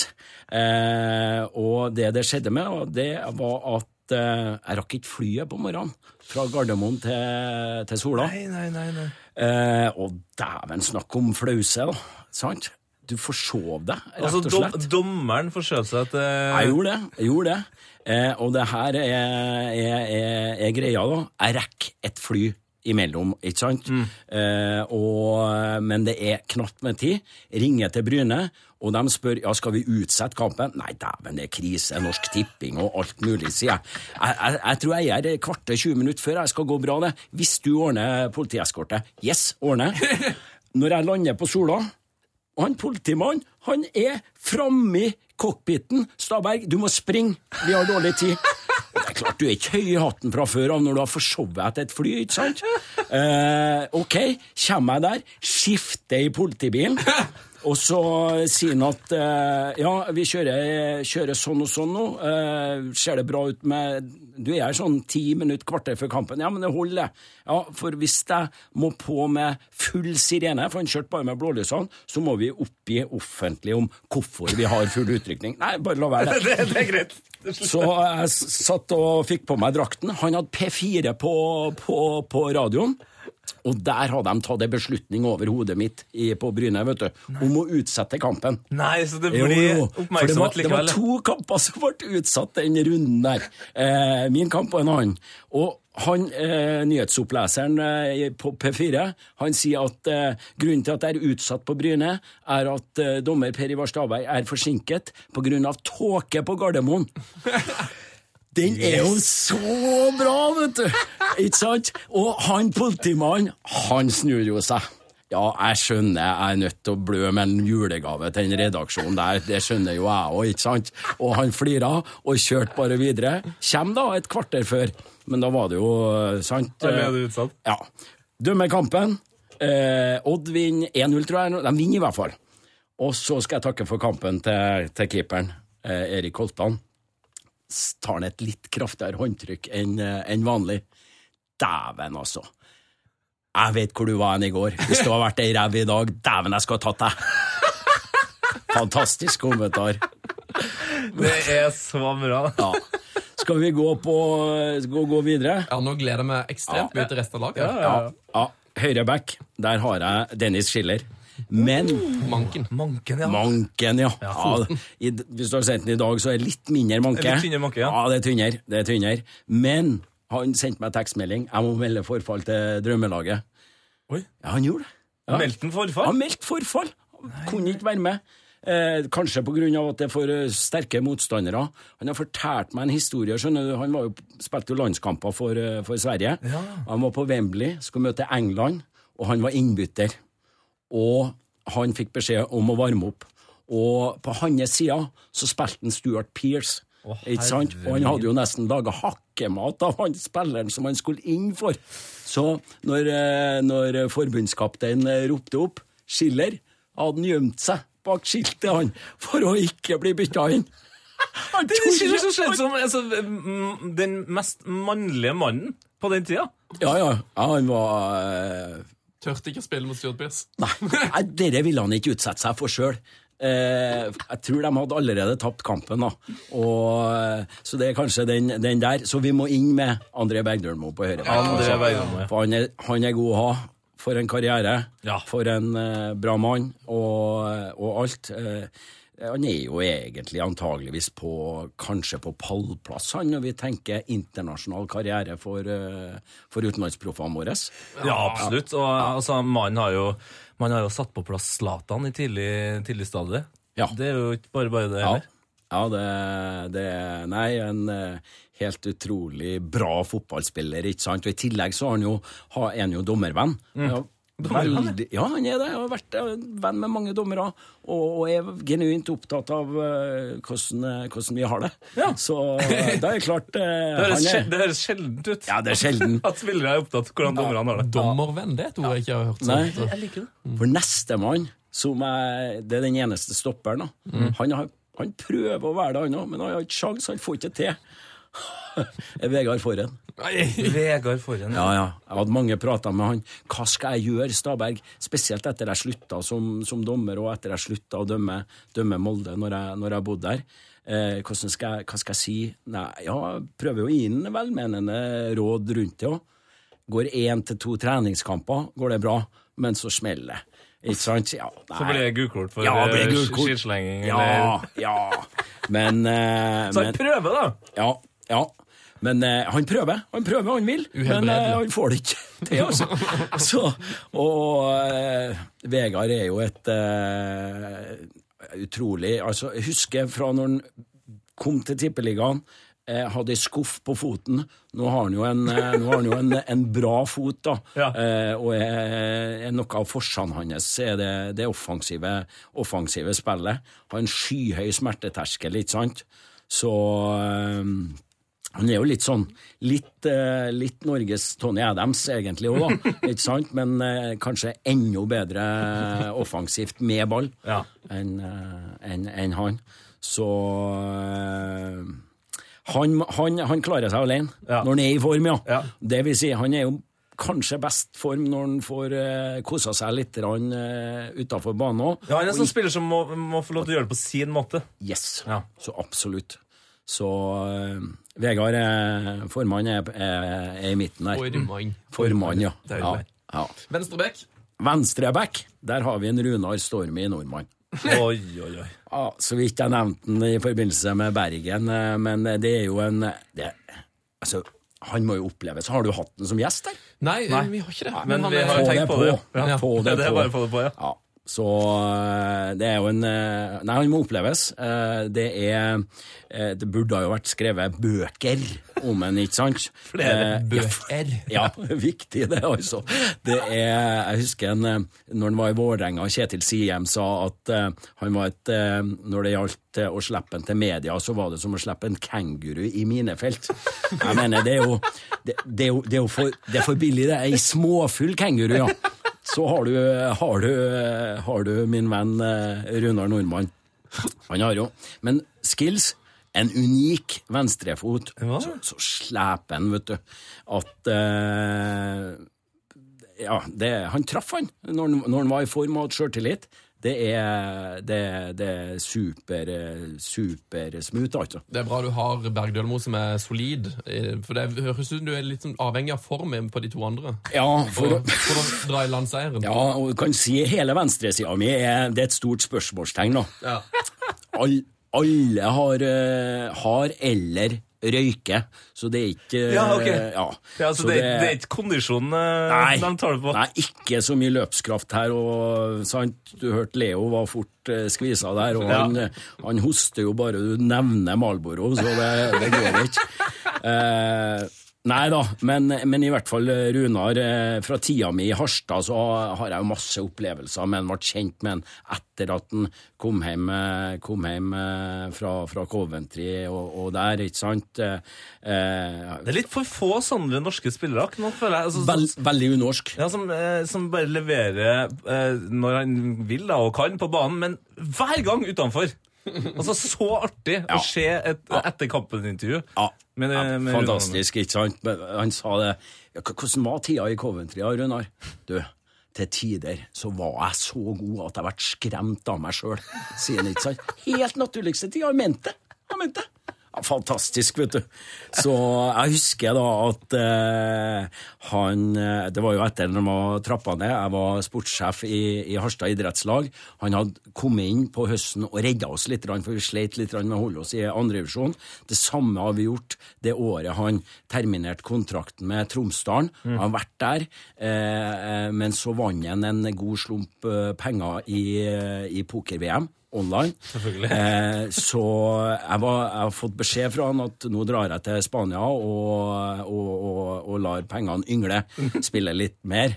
Eh, så tenkte jeg det har gått en tre-fire uker, og vi sleit som bare juling. Jeg må ringe en, ringe en Stormy. Hallais, Stavberg, er du der? Kommer du ned og besøker meg? Jeg var ikke jeg hadde tenkt på, sier jeg. Vi idrettslaget trenger hjelp. Eh, når har du returbillett eh, hjem igjen? Staberg? Vet du ikke hvem du snakker med? Jeg har jo aldri bestilt en returbillett i mitt liv, jeg. Vet ikke. Fantastisk. Ah, Stormy nordmann, ja. Ja, ja. Nei, det, det er krydder, da. Det er krydder. Skal vi gå videre? Nå er vi oppe på midtbanen. Har vi kommet til det? Ja, Ja, Er det leken firer her. Ja, det, det, der er det litt mer Det er litt mer balanse, litt mer komponert der. For vi starter med Supermann, Roar Strand. Ja. Ja. Det, han må Ja, jo være med på alle strømmelagene han. for en, eh, for en, eh, for en fyr, for en 100-prosenter, ikke sant? Hvis du søker på 100-prosenter, så er det bilde av han på Wikipedia. Var han, var, var han eh, hyggelig mot dommerne òg? Ja, ja, altså absolutt. Han var, en, han var en gentleman tvers igjennom, han, både til dommere, motspillere, alle, og eh, ja. Eh, Det var er- bare Martin Andresen som fikk tagga på seg, han òg, si. Eh, Ja, eh, det, det, stemmer, de hadde vel en liten eh, fight der, ja. ja. Nei, det, er jo, det er jo bare altså, Jeg trenger ikke å si noe mer når jeg sier Roar Strand. Det er tvers igjennom en, en herlig fyr, og, en, og, og selvsagt en god mann å ha med seg når det, når det kokte. Samme, jeg kan si samme om, om flere på Rosenborg og flere på andre lag òg. At eh, det er jo litt viktig når du, når du, du, må, du må vite hvem du kan stole på, og hvem du kan bruke til å justere, dommer, ja. ja, justere ned enkeltspillere eller, eller laget som sådan. At eh, her nå begynner dere å dette litt utafor ramma. Ta tak, Roar. Eh, og det, det Nei. Eh, og ikke noe, Jeg har ikke noen skandalehistorier på en Roar, for dem tror ikke jeg finnes heller. Men allikevel er han med på laget og er helt selvskreven. Og det samme er jo nestemann. Det er jo kaptein, faktisk. Oi. Ja. Eh, her bare for et par uker siden, han Kjetil Rutford han holder på med A-treneroppgaven, sendte meg en melding om jeg kunne gi noe innspill på hva som er den optimale kapteinstypen. Ja. Det var enkelt å svare på. Navnet, navnet kom med en gang, og jeg måtte jo begrunne litt og, og sånn òg. Kjetil Rekdal. Kjetil Rekdal. Kjetil Rekdal, ja. Ja, ja. Men er, det, er, det, er det fordi at han er så streng, eller er det så Han er kynisk, men han har en utprega rettferdighetssans. Litt sånn eh, Litt sånn motsigende eh, egenskaper. Men, eh, men, men du verden min, han òg, akkurat samme som en Roar. Når du, når du var innom, innom til han, så, så kunne han bidra positivt. Altså, ikke den mest verbale ute på banen, ikke sant? for da var det, da var det boble og full fokus, ja. For han er jo, for meg er han mister vinnerfokus, altså. eh, Og, og, og, og tenker strategisk og har en enorm kapasitet, både som trener på benken, men også som spiller. Kanskje det det som imponerte meg mest i forhold til å styre, styre laget, altså. Så, så han må, må, må inn, eh, inn der. Eh, så absolutt. Eh, ja, det, det er utrolig stødig midtbane så langt. det begynner, begynner bra. Eh, Fram med 20-siggen på, på venstre Venstre. side. Ja, nei, nå, nå, nå er jeg for, Altså, Roar spiller på, på høyresida. eh, Reka eh, litt, eh, litt eh, sittende. og framskutt fremfor en, eh, for en, eh, for en Kjetil, så finner vi Magne Hoseth. Magne Hoseth, ja. Det er jo, det er jo hovmesteren, ikke sant? Eh, Slepen, eh, men eh, mangler jo defensive fiber. Det, han brukte å si det til meg når han fikk Han fikk jo ikke så mange kort, da, etter hvert i hvert fall. Eh, men han fikk jo på ei og anna takling han var altfor sein i. Ja, men jeg kan jo ikke takle deg, Per Ivar. Det er jo kan jo ikke gi meg kort, da! Ja, det- er jo, det er jo sjølinnsikt på, på meganivå, vet du. Så øh, Og, og det, er jo, det er jo artig å ha fulgt med en Magne, ikke sant. Du kom inn og var, uh, var dommer allerede når han, han kom. Uh, kom og, og var, var et talent utenom det vanlige. Eh, men som person, da, så var han jo han var jo en, var jo en, en blei, og alle vet jo at han har fått litt pes pass for det, spesielt fra motstander, supportere og, og, og sånne ting. Og han var, han var ikke den mest elskverdige til å begynne, men sant, når du ser den reisa som et menneske han og flere har vært med på, den utviklinga, så er jo det som er Det er jo, det er jo en dimensjon av det å være med i fotballen som er, er magisk. Ja. Så, sant, fra, fra sytepave til hel ved, det liksom kunne ha vært eh, eh, biografi Biografien til Magne Til Magne. Så der fikk du en gratis, eh, Magne. Ja, nei, fin fyr. Fin fyr. Ja, Den boka hadde jeg kommet til å lese. Fra sytepave til hel ved. Ja. Jeg liker det. Ja. Det. Så eh, han, er, han er, varierer litt mer i dagsform, han òg, ikke sant? Alt fra det helt geniale til, til, til det mer middelmådige. Eh, så har vi venstre, venstre midtbane. Hvor mange pakker med Malboro i løpet av en dag, tenker vi her? Ja, det tror du må på over én. Jeg vet ikke, altså. Jeg har ikke helt Ja, det er mye, oversikt 20, 20 pluss, da. Sigaretter på en dag. Ja, På sitt meste så var han kanskje på det. Jeg vet ikke noe om han eh, har uh, trappa litt ned. Kan hende. Men eh, vi skal selvsagt ha med myggen. Myggen, Myggen. Myggen. Yes. Ja, sant? Og det som er det mest spesielle med Myggen sånn utpå banen, det er jo det, er jo, det, er jo det, det han gjør med ballen, ikke sant? Og, og en ballvirtus sant, med, eh, med defensive fiber. Sant? Han var jo steingod defensiv. God plasseringsevne. Ja, lest spillet. Fant opp gegenpress, mer eller mindre. Ja, ja, ja, ja men sant, ikke sant? Lille, Men- lille Myggen, ikke sant? Rekkevidde i det defensive. Men det har jeg tenkt på flere ganger. Jeg lurer på om jeg har spurt noen av de andre dommerne vi har hatt inn her òg, men det er bare sånn Dere er jo så nære de her gode spillerne når de f.eks. gjør den her vendinga eller tar en eh, tunnel eller altså eh, Hvordan oppleves det å liksom være, være så nære myggen, da, for eksempel? Jo, jo, det var jo stort, for han var jo svær, ikke sant? Og det, det, det Du hadde respekt, faktisk, da, ikke sant, for en som har gjort det gjort så mye, og, og kan på grunn av skillsen, men også på tross av kanskje litt rann det her levesettet og ikke minst fysiske forutsetninger, lett som ei, ei fjær, ikke sant, og liten, men allikevel har klart det han har klart. Det klart, Da vokser du litt, litt i, i mine, mine øyne. Så Jeg husker en historie. Vi var, det var før La Manga. Eh, vi var på treningsleir da, med, med, med Start. Det var på ja, sånn øy utafor Portugal der. Jeg husker ikke hva jeg heter lenger. Men, men i hvert fall så tilbød jeg meg å være med og dømme på treninga til start, eller alle lagene, da. Eh, og så var jeg på en starttrening. Og, og så uh, mista jeg romnøkkelen hele tida, for jeg hadde den i lomma. vet du. Og Myggen hadde jo på seg langbukse med glidelås. Myggen kan ikke passe på den her. Tok jo litt tid før jeg mota meg opp til det, liksom, da. For det var jo tidlig, og, og han var jo svær. Jo, jo, jo, ingen problem. Han glemte jo selvsagt av den etterpå, men det, var- det var jo opplagt at vi begge glemte den, faktisk.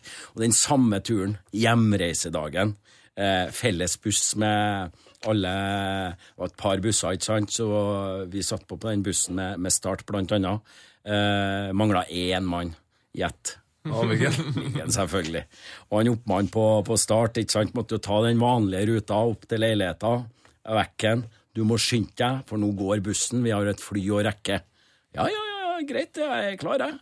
Så kom han nå i, i, i i labbende nedover eh, med bussen etter bare en fem-ti minutter. Uten koffert. Å, skal vi hjem? Hva? Så det er klart, er rimelig distré, altså. Så eh, helt fantastisk. eh, Management må være rundt den, må være tett på den, men, eh, men vi, har jo, vi har jo folk til, til det og der da. Ja. Så, så Myggen er med. Da, da begynner vi på angrepsrekka. Ja. Eh, Bernt Hulsker er nevnt. Hulsker er han er med. faktisk med, altså. Ja. Og det er jo, han er nok ikke med på alle dommeres strømmelag, for han var ja, rimelig utfordrende til tider kunne være, ikke sant? Det er litt som han eh, sjarmerende, men mest slitsomme gutten i klassen. Det er sånn eh, Ja. at du har lyst til å like han, men så husker du hvordan det er når du står der i norsktimen og bare Nå, Bernt Hulsker, ja. vær så snill. Veldig god beskrivelse. Ja, det tror jeg. Jeg, jeg kjenner igjen den der, der altså. Du kan jo så mye bedre, Bernt. Men du gir, gir pung. Uh, nei, uh, og Bernt har vi opplevd uh, mye med både på og utafor banen. Eh, jeg husker jeg var jo mens han spilte i, i, i Start, det. Den her er fin, sjø. Eh, Det er godt innsalg. Eh, lørdagskamp, det elska vi jo begge to, ikke sant? og spesielt hjemmekamp. da, og For meg så var det bare bortekamper. Så spurte meg etter kampen, og han, eh, han hadde jo ikke spilt heller, da, satt på benken, han. da. Ja. Og så eh, sier jeg at ja, Han spør ja, er det noe som skjer i kveld. da? Ja, jeg skal opp til en kamerat, en trønderkompis som bor her i byen, og kommer kanskje jeg tror Jim Solbakken har med seg en, en mann der og koser oss litt. Rann. Eh, ja, men det er mulig jeg stikker oppom meg, sender jeg melding. Ja, han stoppa jo opp han, uh, tidlig på kvelden der, og vi hadde jo nettopp satt oss ned. Så har han med seg et par juniorer fra, fra laget. Og, ja, Er det noe, er det noe, er det noe sprudelvasser, uh, Staberg? Jeg står i krukke, krukke på kjøkkenbenken til en Bjarne fra Namsos, han da, sier jeg. Så du vet hva det er da? Det er sterke saker. Ja, eh, ja, ja, ja. Men han skulle jo være litt tøff og komme i formen, ikke sant? Og tok og, og blanda seg en, en, en fin en der, og ble jo grønn i fjeset, vet du. Og ble i superform tidlig. For en, eh, Jim hadde jo med seg, han hadde med seg sportsdirektøren fra Sheffield United, som har vært og sett kampen. Og da ble det jo snakk om innsalg.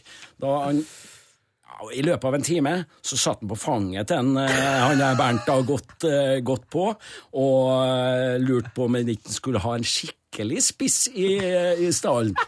Uh, og han, han lot ikke seg affisere av at Ja, but you didn't play. Ah, you know, crazy, crazy moron of a coach. Doesn't know football. You know football, my friend. Ok, han begynte å komme litt på glid. Kanskje jeg kan fikse deg, fikse deg prøvespill. Hulk spiller ikke på prøvespill. Fantastisk, vet du. Skal bare rett inn på Ja, skal rett på, han skal ha kontrakt, han. Og det er klart, det sier jo litt han offensiv type, vet du. Ja, ja, ja. Og det trenger vi. Ja. Det trenger vi. Men som en del av de andre spillerne, høyt maksnivå og relativt lavt eh, minimumsnivå. Ja, det har han, han har vel innrømt det sjøl også her på podkasten, at uh, noe mye lavere minimumsnivå som tippeligaspiller, det skal godt gjøres. Ja, det er sant. Da har vi plassert han på, han på en kant. Mm. Det blir høyrekanten. Venstrekant, den er selvskreven. Det er Raymond. Raymond Kvisvik. Ja. Det er, han må jo ha fagbrev fra serveringsbransjen. Eh, skjønner ikke noe annet. Han er, den venstrefoten er jo Den er ja, Snakkes jo litt lite om hvor god Raymond Kvisvik var. Ja. Han var god fotballspiller. Men det- enormt. Men det var enormt. litt sånn som med, med, med nordmannen òg, at de, de var jo så eh, annerledes på mange andre måter at det, det har liksom blitt fokuset. Det her er jo som spillertyper som vi savner fordi at de var humøret deres og bare måten de takla ting på. Og så glemmer du litt at de hadde jo to av Norges beste venstreføtter. Ja. Sant? Og han har også, på tross av, av at han eh, eh, ikke hadde farta som sin forse, men eh, overblikk og, og enormt kreativ. Sant? Og, og en herlig fyr, da, vet du, med masse humor. Og en dommervenn òg. Han eh, Men, men, men eh, jeg husker han har gitt veldig hard medfart til, til Tom Harald Hagen, en av våre beste menn eh, as we speak. Når han debuterte, så spilte, spilte Raymond, jeg tror det var Stabæk Fredrikstad, og da hadde han testa skikkelig tålmodigheten, for det gikk vel ikke sånn helt, eh, helt innafor for Hagen i den, den første kampen, men har blitt en utrolig god, god dommer eh, senere. Eh, så han har gitt den så hatten passa litt i media, og det var litt ulikt uh, Raymond. Eh, og så var det en, eh, en lagkamerat som sa at eh, du må ikke være så hard mot den, for det var jo første kampen hans. Og det der ble gjengitt i media. Jeg tror det var kampen etterpå, så dømmer jeg. Så har jeg med meg en, en, en assistentdommer. Njål Rønning heter han. Hei, Njål. Henjol, ja. ja. Han er fin fyr, men eh, du ser jo at han ikke er noe youngster, da. Mangler hår, har han et par sånn Adidas-striper over der, og var tett innpå aldersgrensa. Var en av de siste kampene hans, ikke sant? Og så ble en eh, Han vinka frispark mot Fredrikstad på slutten av, av første omgang. Eh, og en av Fredrikstad-spillerne er oppe i trynet på Njål Rønning og, og, og melder klart ifra. Så kommer en eh, Det var kanskje, kanskje han spilleren som, eh, som eh, tok en Hagen litt i, i forsvar kampen før. Så, så kommer en Raymond. Du, ikke vær så hard mot den av er første kampen hans. og, og Njål Rønning sjøl, han begynner å flire. Jeg begynner å flire. Vi står på kne altså der og flirer, og blæser vi bare av kampen, og, og vi går til pause. Fantastisk, vet du. Den historien tror ikke jeg er fortalt eh, tidligere. Så Ja, det er godt å høre at det, at det faktisk skjer um, hyggelige ting mellom spillere og dommere, for det er ofte fokus på det motsatte. Ja, ja men det, det, det er det. Men det, det er ikke det som er interessant for, eh, for media, ikke sant? Å, å lage sak på det når, eh, når man eh, er veldig uenig med hverandre. At, eh, det Ja, det blir, blir, blir mer av de sakene der, ja. Jeg ser det. Ja, det, det, det, det er som regel hyggelig, altså. Nå er jeg spent på sistemann, for du sa det var en her du ikke hadde dømt. Jeg regner med det er han som har fått midtspissplassen. da. Yes, yes. Vi skal til England. Vi skal til favorittlaget, selvfølgelig. Manchester United. Nei, nei, nei, nei, må du Tottenham Hotspurs. Yes! Fotballforståelse her, skjønner du, rundt deg, Sven. Nei, eh, Paul Gascoigne. Paul Gass er på Gass- topp! Ja, Gass er på topp. Det er så frekt, det. Fy fader. Ja, ja, det er en legende, ja. ikke sant? Og det er klart at når dere har hørt resten av laget, så er det Det er greit. Det, det blir nesten bare Det er nødt til å bli sånn. Ja, og da- Faktisk, når du skal ha ei utenlandsstjerne, for det vil jeg ha da som ekstra, ekstra krydder. Og det skjer ofte uten at jeg tror at gjestene tenker over det, men drømmelagene eh, har en tendens til å høres bra ut på banen, og enda bedre på bankett. Altså, det, ja. den banketten her, Ja. med Paul Gascoigne og Bernt Hulsker Stormy Nordmann, Myggen, Erik Holt Altså, hør den festen. Ja, det hadde blitt gøy. Og du, er du som bartender, da? regner med? Kan vel stille som bartender. Jeg vet hvem liker de guttene her, i hvert fall. Vi må ha nok. Vi må ha nok, ja.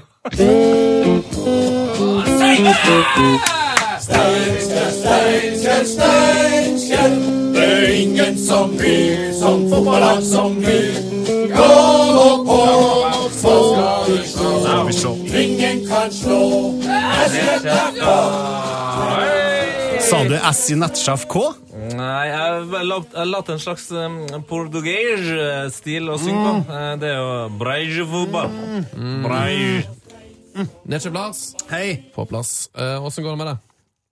Veldig bra. Så bra. Vi tok en liten pause fra Per Ivar Staberg her uh, nå. Rett og slett for å hoppe i tid. Ja. Vi, er, vi, vi må jo få med oss litt eh, breddefotballnyhet, men vi hadde ikke tid til å ta det når Staberg var her. Jeg jobba så mye, vet du. Så hva har skjedd eh, i breddefotballen i det siste? Netchef Lars? Det har skjedd så mye. Jeg har skrella ned til to tips. Resten av tipsene kommer etter hvert. Veldig bra med Ja. alle som sender oss tips. Fortsett med det. Vår e-post ja, det er heiafotballkrøllalfa.nrk.no. Krøllalfa nrk.no. Man kan- Heia man kan- fotball, krøllalfa, nrk.no. Hvor kan man andre steder man kan tipse oss? Ja, på Instagram, DM der, Facebook. eh, Der er det også en direct direct message-variant, og ikke minst på Twitter. Den har ikke jeg sjekka på lenge, men det er sikkert andre som gjør det. Ja da, P3 Heia Fotball heter vi der. Og så kan du òg gjøre noe som er helt spinnvilt. Gå inn i iTunes, kommentere på podkasten Og gi fem stjerner. og, og gi tips den veien. Oh, men det er faktisk det Der har vi fått eh, de beste tipsene. Kanskje ikke breddemessig, men sånn generelt. Får vi et tips der, så skal vi love å ta det opp. Hvis de går inn der og gir oss fem stjerner. Altså, Du trenger ikke å være helt statsminister eller president her. da. Er det fotballrelatert, så? Ja, Vi kan ikke ta imot absolutt alle tips vi får der. Nei, vi kan kan- i hvert fall ikke lov.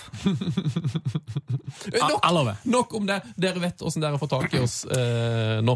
Mister Petter Uggerud, for han har gjort det på en tredje variant. Der, ja. Er vi i gang? Har vi tid?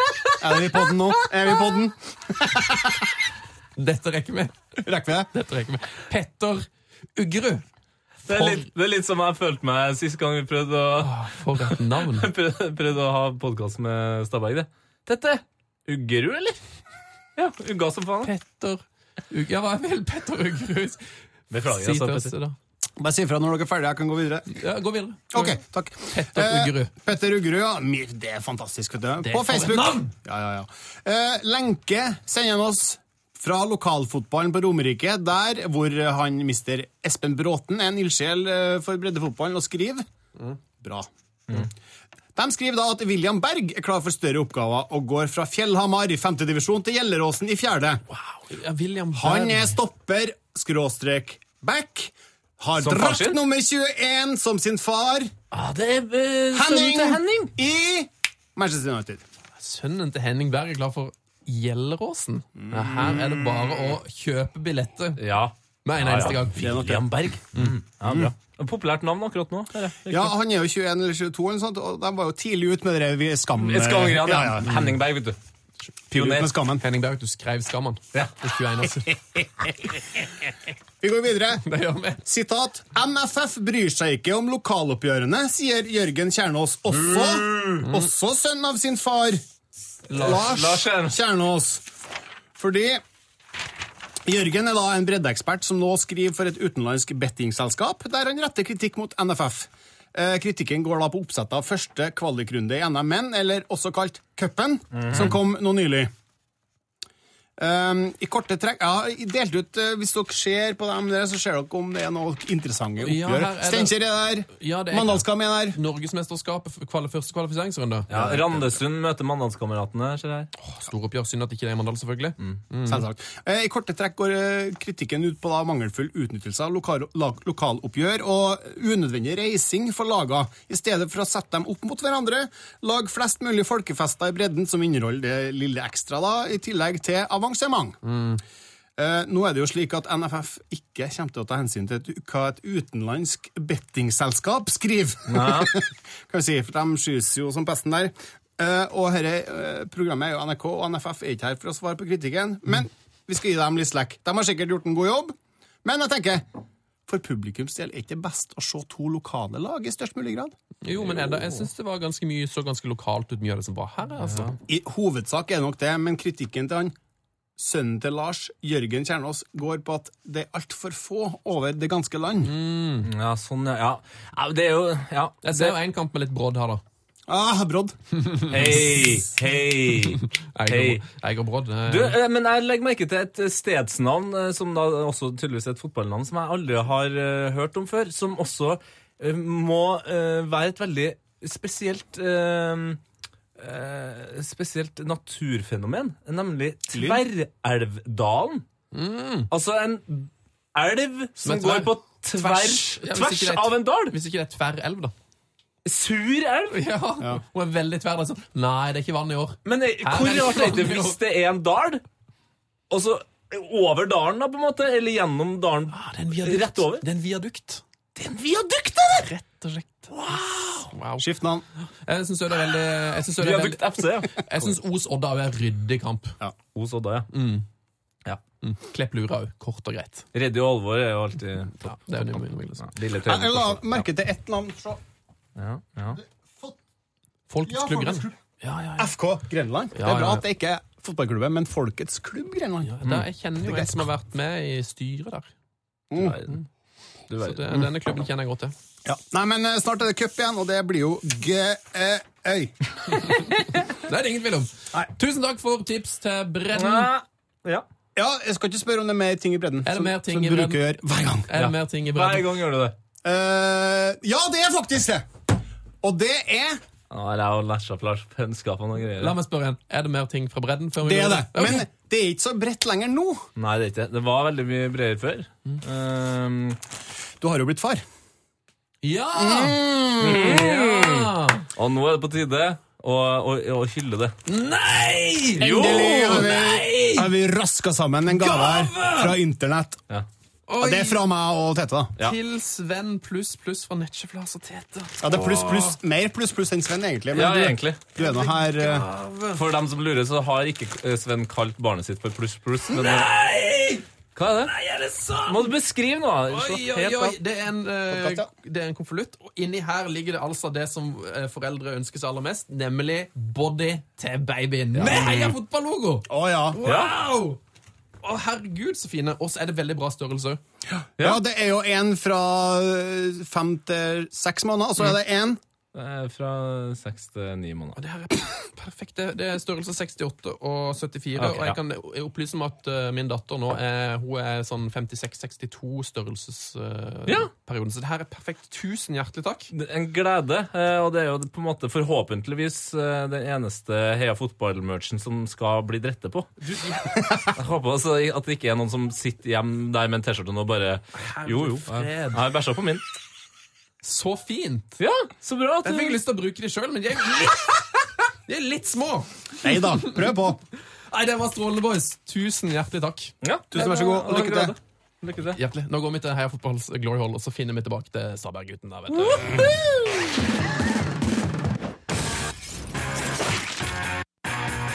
Heia fotballs glory hall.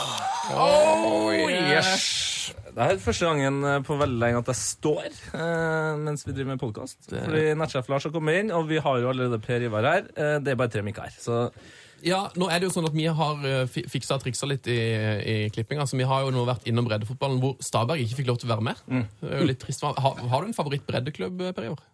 Ja, jeg må nå si det nå når han har flytta tilbake til Heimdal, så må det bli barndomsklubben Heimdal. de grønne drakter Med rød stripe. med rød stripe. Ja. Oi, det er frekt! Det er frekt. Det er ikke ofte man hører. Um, kjenner du til konseptet Heia Fotballs Glory Hall? Har du vært borti uh, klubben?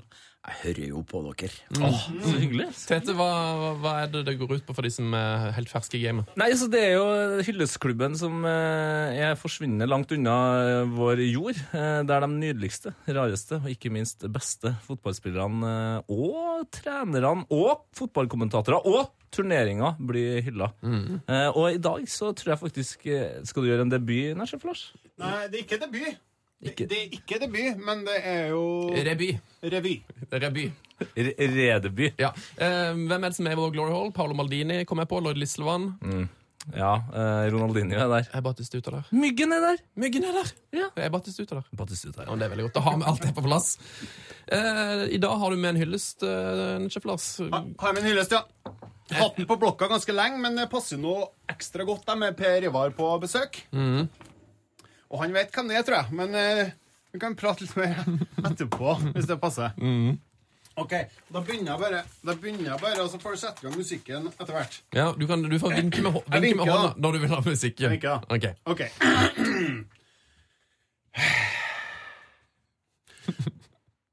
Her er alvor. Du starta jo veldig seint, ikke før du var 30. Men allikevel gjorde du jobben på banen nesten 8000 ganger på 54 år. Myndig som Colina, med et smil på lur som Staberg.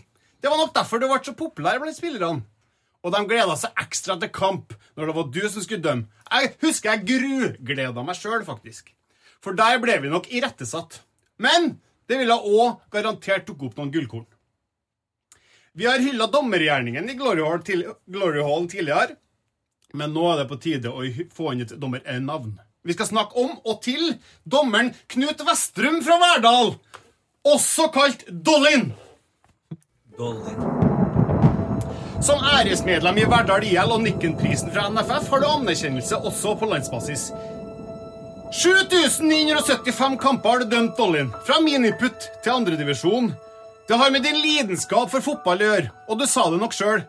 Hvis jeg satte opp på kamp, så hadde jeg nok til og med avslått en invitasjon fra kongen. Noen påstår kanskje at iveren var i overkant stor da du prioriterte dømming foran både konfirmasjon og dåpen til dine egne barn. Men vent litt. Ingen kan si at du aldri prioriterte familien heller.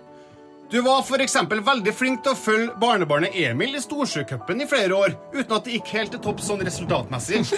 Foreløpig. Og av dine 19 år som Norway Cup-dommer takka du kun nei én gang. Midt i turneringa la du vekk fløyta fordi du skulle se dattera di Tove spille finalespill. Og Tove og juniorlaget gikk helt til topps med deg som tilskuer. I 2012 gikk Knut Vestrum bort. Og vi mista en fargerik personlighet. Men vi vet at du sitter og skuer ned på breddefotballbanene fra Heia Fotballs Glory Hall, og fra der opp da fra der oppe fikk du også med deg at barnebarnet Emil vant Storsjøcupen. Året etter at du selv hadde blåst av for siste spark på livets fotballeng. Du var litt av en type til Dollin, og du sa, sa sjelden nei. Heller ikke da kretsen spurte om du kunne dømme dagens kamp nummer to, sa du nei. Selv om det betydde ekstra 60 mil med kjøring. Og det her. Ofte er det nok et rødt eller et gult kort som dommeren drar opp fra lomma for å straffe spillerne. Men i ett tilfelle ble det annerledes med deg. Fordi du dømte så mye, syns kona di at du bør ha tilgang til litt føde mellom slaga. Og det var med store øyne på banen da spilleren oppdaga at det var ikke et rødt kort eller et gult kort du dro opp fra lomma, men en Mariekjeks du holdt i været. Du var kanskje ikke den aller beste dommeren, men nei, du var heller ikke dårligere enn fotballkvaliteten på breddespillerne du dømte. Vi trenger slike fargeklatter på, på og utenfor banen, og alle idrettshjerter bør skjønne at det meste kan løses med et glimt i øyet og med en god og avvæpnende replikk. Vis fra menneske til menneske. Dollin, minst 7975 takk for at du dømte kamper for oss. Og dømte som det skulle være cupfinalen hver gang. Fordi du var som du var, hedrer vi deg i dag. Takk, og velkommen til Heia Fotballs Glorial. Wow! Wow, ja. Det får du si, sjef Lars. Ja, det var personlig. Jeg la merke til det. Nesten eh, det var tårer i øynene her. Men eh, Per Ivar, du, du vet av han er eh, Ja, jeg vet av Dolly nå. Jeg ble nå helt satt ut her nå. Det var, det var en velfortjent og en god hyllest til en, til en helt enorm mann. Eh, ja, han hører hjem, hører hjem på laget, ja. Over 7900 kamper. Det har ikke gjort så mye annet enn å dømme, da. Nei. Fantastisk. Fantastisk at man har sånne ildsjeler. Og fantastisk at du har vært uh, vår gjest i dag, Per Ivar Stabæk. Vært hyggelig. Så bra. Uh, og nå er det altså Jeg tror faktisk vi kan uh, være helt sikre på at vi alle mann overlevde den podkasten her, i hvert fall. Topp. Det er jo, det er jo helt, helt utrolig. Jeg merker jeg har litt, litt vanskelig for å le av sånne jokes. Ja. Nei, men det er viktig å alltid, alltid ha litt latter på lur. Det er helt sant. Ja. Eh, Det er vel du et godt, godt eksempel på, Stabæk. Viktig å ha, ha et uh, smil på lur. Takk for det. Takk for at du var innom, og god helg til absolutt alle som har hørt på. Veldig, veldig, veldig hyggelig. God, god helg og heia fotball. Heia fotball. Heia fotball! Heia fotball! Frank de Boer speelt de bal. Heel goed naar Dennis Bergkamp. Dennis Bergkamp. Dennis Bergkamp neemt de bal aan. Dennis Bergkamp. Dennis Bergkamp. Dennis Bergkamp. Dennis Bergkamp. Oh! Frank de Boer speelt de bal naar Dennis Bergkamp. Die neemt de bal feilloos aan. En die schiet de bal erin. We spelen nog officieel 20 seconden. Dennis Bergkamp. P3s Heia fotball. Episode hver fredag. Last ned din nye favorittpodkast på p3.no podkast. P3.